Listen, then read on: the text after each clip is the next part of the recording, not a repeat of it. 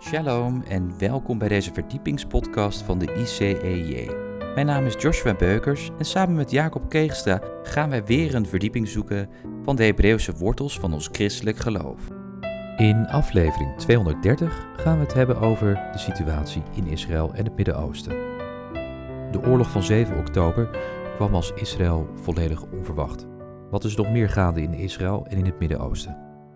Daar gaan we het over hebben in deze aflevering. Hartelijk welkom. Ja, dit plaatje van eh, wat we net zagen, de klaagmuur. Twee weken geleden was ik daar.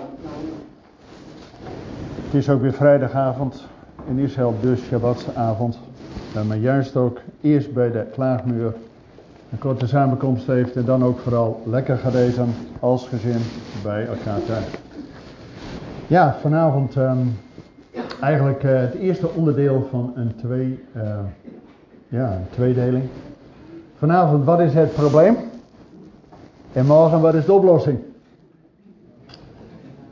Ja, maar voordat we daaraan beginnen, vooral eh, de titel, mag ook de eerste plaatje alvast van wat is er gaande in Israël en het Midden-Oosten. Eerst iets over mezelf. Mijn naam is Jacob Keegstra. Ben geboren in het uiterste noorden van Nederland, tegen de Eemshaven aan. Vast te horen. Dus toen ik hier uh, van, uh, vanmiddag uh, met mijn vrouw naartoe reed, en dan bij Rotterdam de brug overging en hè, via de klei zag, dacht ik, bijna thuis. Ja. Um, theologisch heb ik een lange reis gehad. Ben gereformeerd opgevoed. Een hervormde theologieopleiding gehad. Door een katholiek ben ik afgestudeerd. Toen heb ik een evangelische vervolgopleiding gehad. Begeleid door iemand vanuit de vergadering. En ik ben uh, mede door Israël helemaal ook Messiaans geworden. In die zin, lange reis gehad. Heb mijn vrouw in Israël ontmoet. Maar ja, zij werkte daar en ik woonde hier.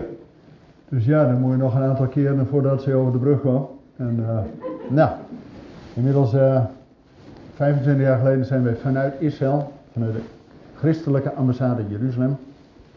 De afkorting staat hier, International Christian Embassy Jerusalem. Is wereldwijd de grootste Israël-organisatie. En het hoofdkantoor in Jeruzalem. Er werkt onder andere dus de zus van uh, dat zit. Hè? En uh, ja, Jannie Tolhoek, daar ben ik vorige week uh, mee op pad geweest door Israël heen.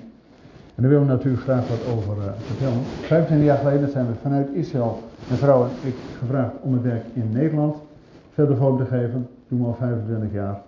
En uh, ja, we hebben natuurlijk veel samenkomsten, zoals deze, door de landen. En um, iedere week hebben we weer een YouTube-lezing, zodat het onderwijs verder gaat. Ook de podcast, zodat je het ook uh, gewoon lekker kunt horen.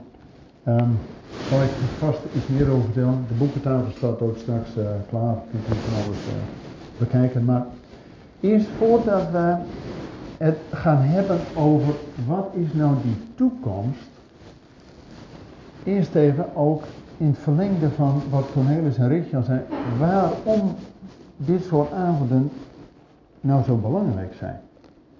En dan begin ik met Genesis 12 bekende tekst dat God roept Abraham. En dat is iets heel bijzonders. U kent het vast, maar ik weet niet of u net zo leest als ik. Ik lees er wel eens overheen.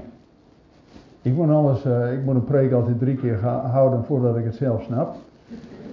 En ik moet ook een tekst minstens tien keer lezen voordat ik echt snap wat er staat. En er staat, Genesis 12, de Heer nu zei tegen Abraham. Ga uit uw land en uit uw familiekring en uit het huis van uw vader naar het land dat ik u wijzen zal.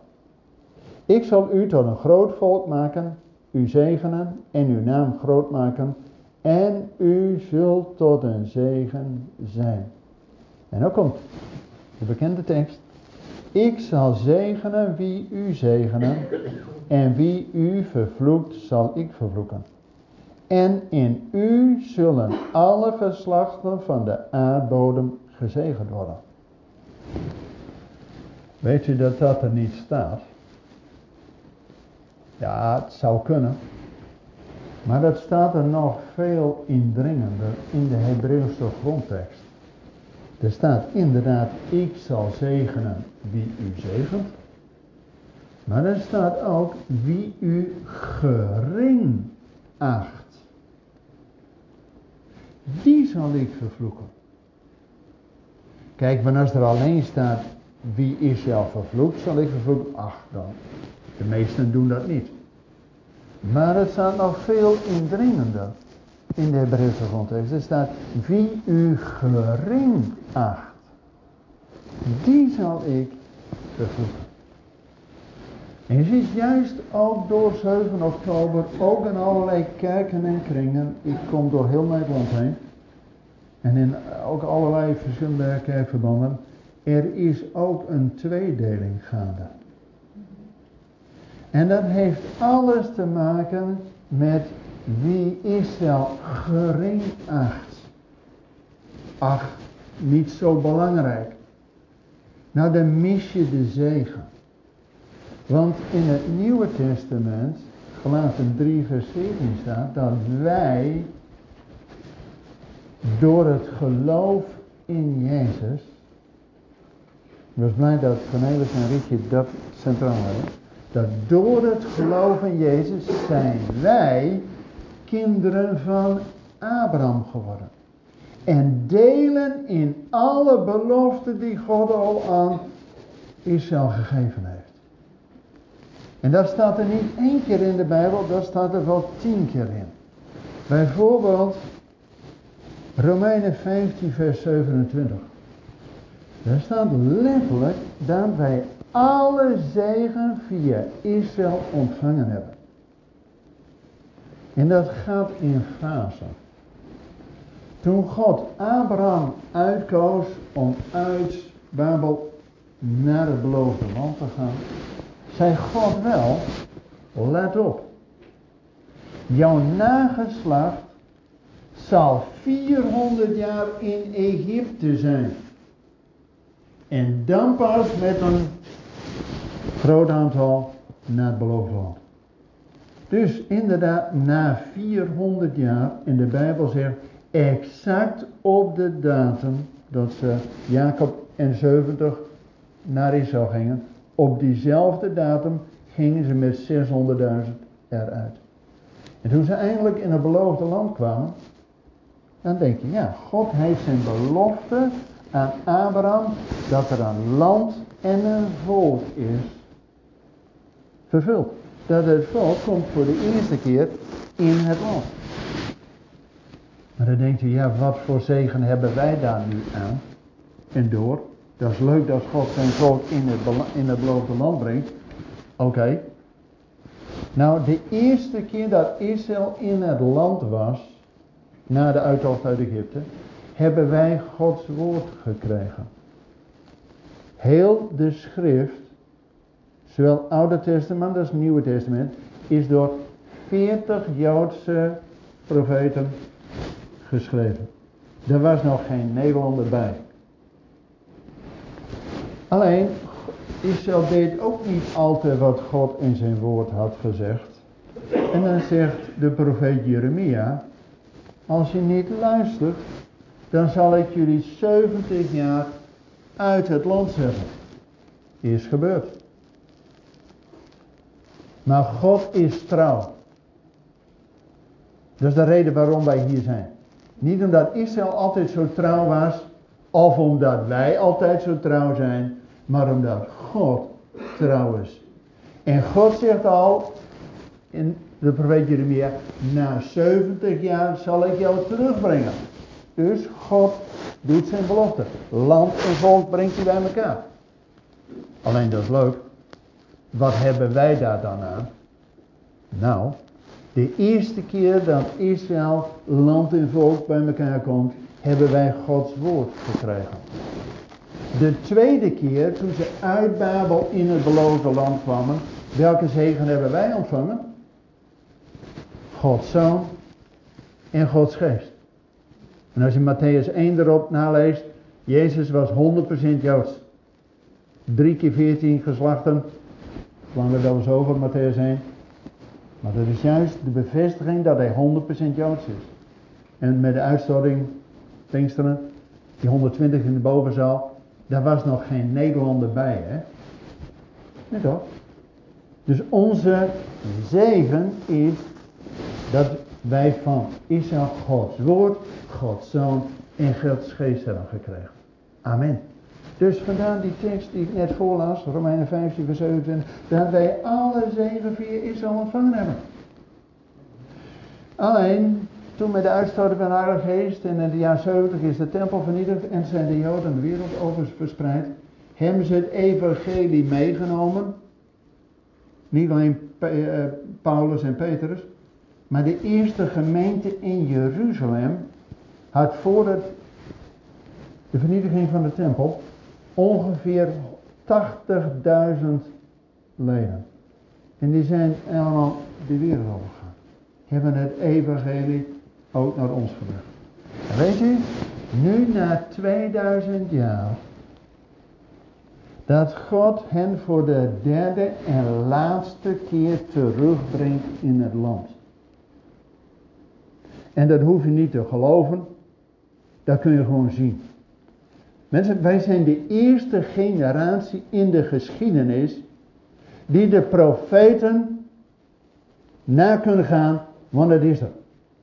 Ieder journaal of krant wordt alweer voorpagina. Dus, of je nou gelovig bent of niet, iedereen kan weten, Israël is terug in het land. Alleen nu natuurlijk de grote vraag, welke zegen is daar voor ons? We hebben toch alle zegen al. We hebben Gods woord, Gods zoon en Gods geest al via Israël ontvangen. Welke grote zegen ligt er nu nog in dat Israël nu voor de derde en laatste keer terugkomt in het land? Enig idee? Welke grote profetie staat nog open? De wederkomst van Jezus. Als de Messias van Israël. Want waar komt Jezus terug? Is nou Sommelsdijk hier of is dit Middelharnis? Ja, dat toch maar in Dirksland. Ik, ik een uh, medestudent op een theologieopleiding uit Dirksland, dus uh, ja. Het zijn de buren, hè? De grote zegen die in het vooruitzicht ligt, is dat Israël terugkomt om wat te doen we werden al door collega's welkom geheten met Baruch Haba. Maar Jezus kan pas terugkomen als er drie dingen vervuld zijn. Tegen de schrift, hè? Niet ik, tegen de schrift. Ten eerste moet het evangelie de wereld rond. Nou, dat is bijna zover. Zal ik je morgen nog iets meer over vertellen. De tweede is, Israël zal verstrooid worden. Nou, dat is gebeurd en teruggebracht worden. Mensen, dat is nu. En weet je wat de derde en laatste voorwaarde is voordat Jezus terug kan komen? Dat ook Jeruzalem zegt, gezegend hij die komt in de naam des Heren. En dat zegt Jezus zelf, Matthäus 27, 39. Jeruzalem, ik heb u willen vergaderen als hen naar kuikens, maar heb het niet gewild. Ik zeg u, gij zult mij vanaf nu meer, niet meer zien. En gelukkig in het evangelie staat daar geen punt. Want dan was het over en uit. Maar er staat in het evangelie altijd een komma. En dan staat er, zodat. Jongens, we krijgen allemaal een tweede kans. Ook Israël. En er staat, Jeruzalem, gij zult mij niet meer zien. Totdat gij zegt, gezegend hij die komt in de naam des Heeren. En daarom is nou die strijd in het Midden-Oosten. En de Hamas, het gaat er niet om die vijf kibbutzen langs de Gazastrook hoor. Nee, dat is het begin. Weet u hoe ze dit, deze strijd op 7 oktober genoemd hebben? El Aqsa-storm. Want de tegenstander weet heel goed wat er gebeurt. Dat wanneer Israël in het land is en alles opbouwt en de rode lopen voor koning Jezus uitlegt, dan zijn de dagen van de antichrist voorbij. Amen of amen. Ik geef u geen keus. En nou het onderwerp van vanavond. Wat is er gaande in het Midden-Oosten? Mensen, ik wil u uitleggen dat alles wat er gebeurt, tuurlijk een fysiek iets is, maar er zit een geestelijke wereld achter. Laten we eens gaan kijken, hè, om het een beetje overzichtelijk te maken, even weer een vreemd drie punten. Eerst wat is er gaande in Israël, dan wat is er gaande in het Midden-Oosten. Want God heeft ook beloftes voor het Midden-Oosten. Hè? Dat we Israël lief hebben wil niet zeggen dat we de rest haten. Hè? Nee, God heeft ook een doel met het Midden-Oosten. En dan natuurlijk als derde, wat zegt dit voor ons? Nou, eerste punt. Wat is er nu gaande in Israël? Nou, voor 7 oktober was er bijna een burgeroorlog. Als je het nieuws een beetje gevolgd hebt in Israël. Het ging over allerlei. Uh, kijk, Israël heeft nog steeds geen grondwet. Weet je vreemd, maar na 75 jaar heeft ze nog steeds geen grondwet.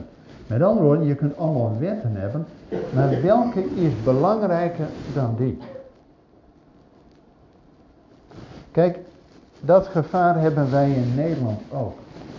Vroeger hadden wij een grondwet in Nederland waar heel duidelijk stond artikel 1b vrijheid van godsdienst.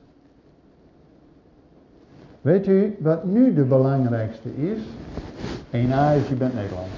Als je in Nederland geboren bent. 1b is dat je niet mag discrimineren. Dus een recht op vrijheid van godsdienst is bij ons naar nummer 5. Dat is het grote probleem in Nederland. Nou, in Israël hebben ze nog geen grondwet, dus wat is nou belangrijk, wat niet, dus daar vechten ze over. En uh, bijna burgeroorlog. Tot 7 oktober. Nou, net twee dagen van tevoren waren wij met ruim 3000 christenen uit 100 landen op het Loofhuttenfeest. En als een van de laatste dagen daarvan waren wij ter bemoediging naar die kibbutzen langs de Gazastrook. En de burgemeester van dat gebied heeft ons toegesproken. Gesproken. We hebben een geweldig praise and worship ochtend gehad. Zelfs een Iraanse gelovige ging ons voor in de lofprijzing. Je voelde gewoon de aanwezigheid van God. Twee dagen later, want op, oh, we hebben ook nog met mensen in de loofhut gegeten, want ja, het was loofhuttenfeest. We hebben daar nog bomen geplant, dat vlak langs dat park. Twee dagen later, op het eind van het is er nog één extra dag en dat heet de vreugde van de wet. Simchat Torah. Nou, toen kwam heel Israël de vreugde wel op. Want de vijand weet je precies te raken. Want de vreugde werd hen ontnomen. Mensen, op één dag. En ik ben er twee weken geleden weer geweest om te zien wat de Hamas er allemaal heeft aangericht. Te erg voor woorden. Ik zal het niet vertellen. Maar we weten dat er 1200 gedood zijn, 1000 gewond en rond 250 gegijzeld. Nou, voordat ik het filmpje laat zien, even nog wat achtergrond. Wij komen als Christenambassade tijdens Loofhuttenfeest al vaker langs de kibbutzen van de, langs de Gazastrook. Want ook wij hebben in ons mandaat dat we niet alleen Israël willen zegenen, maar ook uitzien naar de verzoening tussen Jood en Arabier. En ook meebidden dat het Jezaja 19, dat er eenmaal een heerban zal komen van Egypte via Israël naar Azië en terug. Een aantal jaren geleden, was in 2019, maar dat is vorig jaar weer herhaald, waren wij op het Loofhuttenfeest En dan hadden wij ook als christenambassade een groep van 19 christenen uit Egypte gesponsord. En die mensen zaten bij ons, toevallig bij de Nederlandse groep, in hetzelfde hotel. En tijdens het Loofhuttenfeest is een van die dagen dat je de Jeruzalemmars hebt. Nou, echt bijzonder. En die groep uit Egypte loopt pal voor de Nederlandse groep. Dus ik zag precies wat er gebeurt. En Hossam, de leider van de band, oh, mijn voeten staan in Jeruzalem. Hij was helemaal in de gloria. Hij wordt gebeld door een vriend van hem uit Cairo.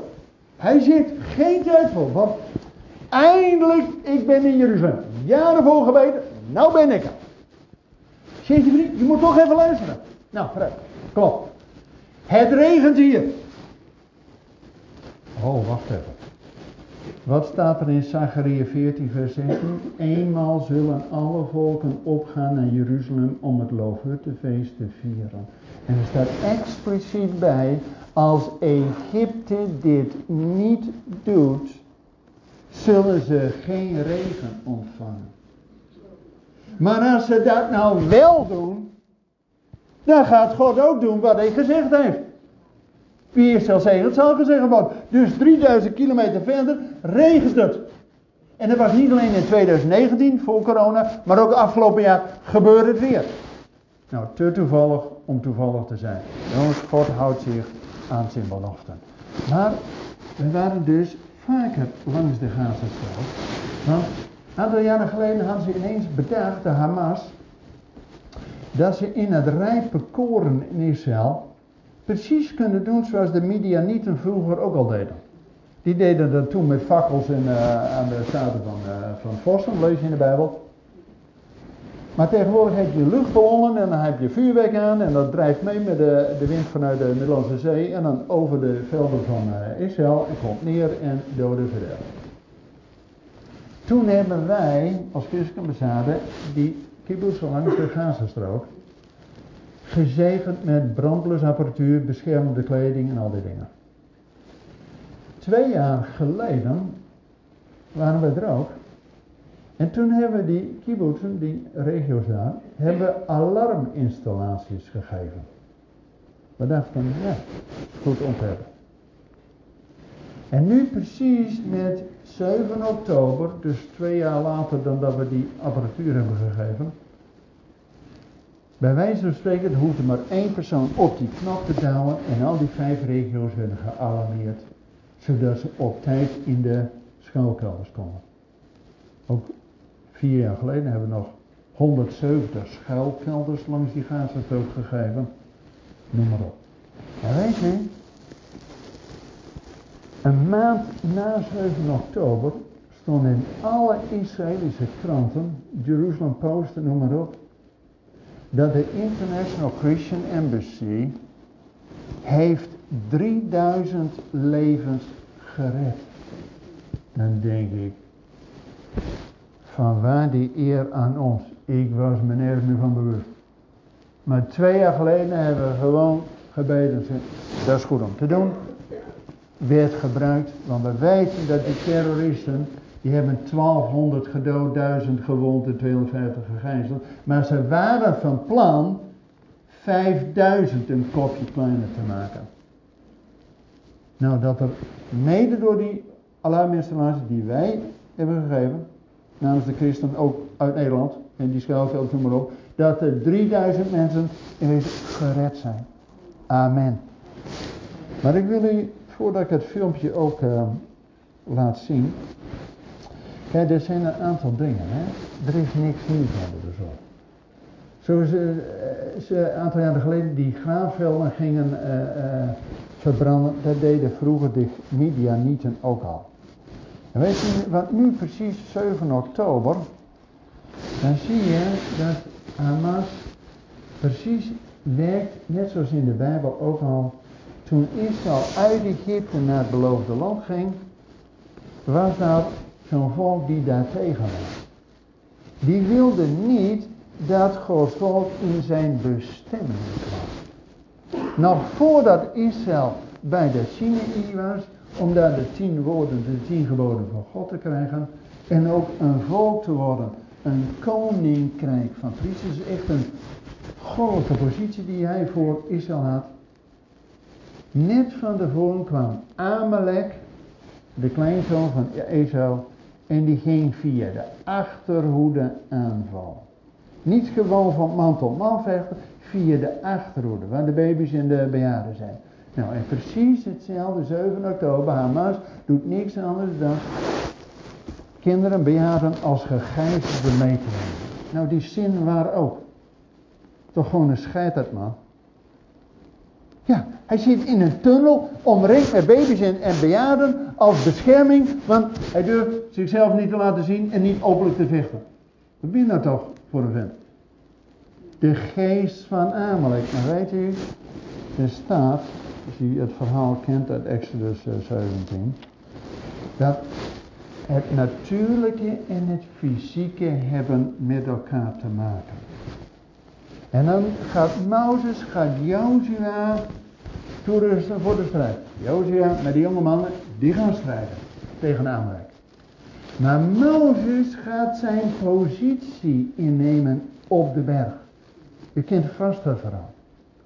Dat hij die staf van God omhoog houdt. En zodra die staf van God omhoog is, overwint Jozua. Ja, Mozes was ook al 80. Dus op een gegeven moment wordt hij ook een beetje moe. En dan is er Aaron en Hur die hem ondersteunen zodat die staf van God omhoog blijft. En dan kan Jozua dezelfde naam als Yeshua overwinnen. En weet u welke les daarin zit?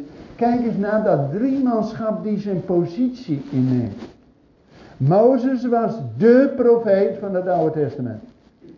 Die verwijst naar Jezus. En Aaron was de priester, de hoge priester van het Oude Testament.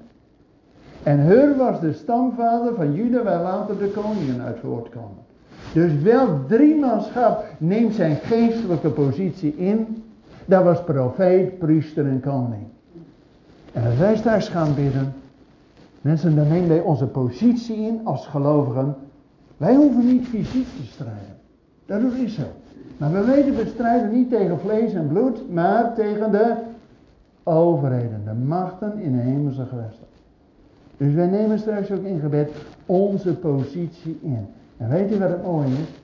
Dat we door het bloed van Jezus, door het offer van Jezus, met vrijmoedigheid tot die troon van genade mogen komen. En weet u wat? In de hemel is geen paniek. God zit nog steeds op de troon. Hij is nog steeds de Heer van de hemelse legermachten. Alleen in die geestelijke wereld daaronder wil de tegenstander niks liever dan ons angst inboezemen. Ons intimideren zodat wij... Oh, oh, oh, en daarom komen we eerst door de Allerhoogste. En die gaat ons door zijn geest leiden in gebed zodat we de overwinning halen. Dat wanneer Mozes die staf omhoog heeft, kon Josia de overwinning halen. En voordat we ook het filmpje gaan zien. Kijk, ik was twee weken geleden was ik in Israël. Om te zien wat de Hamas dat allemaal gedaan heeft. Nou, te erg voor. Maar in de bus daarheen was er iemand die zei. Weet je wel wat er in de grondwet van de Hamas staat? Nee. Nee, dat ken ik niet uit Nou, eh, dat er iets uit de Koran geciteerd wordt, dat snap ik. Dat er ook iets uit die andere islamitische geschriften, de hadith, geciteerd wordt, snap ik ook. Ja, zei die man, weet je wat dan geciteerd wordt? Er staat in de grondwet van de Hamas dat, en zij geloven ook dat er eenmaal een oordeelsdag gaat komen. Ja, geloof ik wel. En er staat in die hadith, staat heel duidelijk, dat voordat de oordeelsdag er is, zal er een moslimgroep de Joden aanvallen. En als de Joden zich verbergen achter bomen en achter rotsen, dan zegt de rots, hierachter is een Jood, pak hem en dood hem. Mensen, dit is letterlijk op 7 oktober gebeurd. langs die grens was ook dat Nova Festival met die jongeren. Nou, dat was open trein, honderden jongelui, en die konden geen kant op. Die vluchtten wat naar bomen en achter rotsen en werden alsnog gedood. En weet u, in de Arabische geschriften staan precies ook de namen welke bomen dat dat zijn. En die staan daar.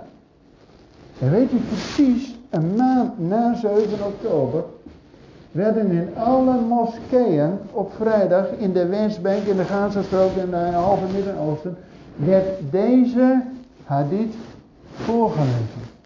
Dat in hun eschatologie, leer van het einde, dat er een tijd komt en de Hamas is de groep, die moslimgroep, die de Joden aanvalt. Dus mensen in de Arabische wereld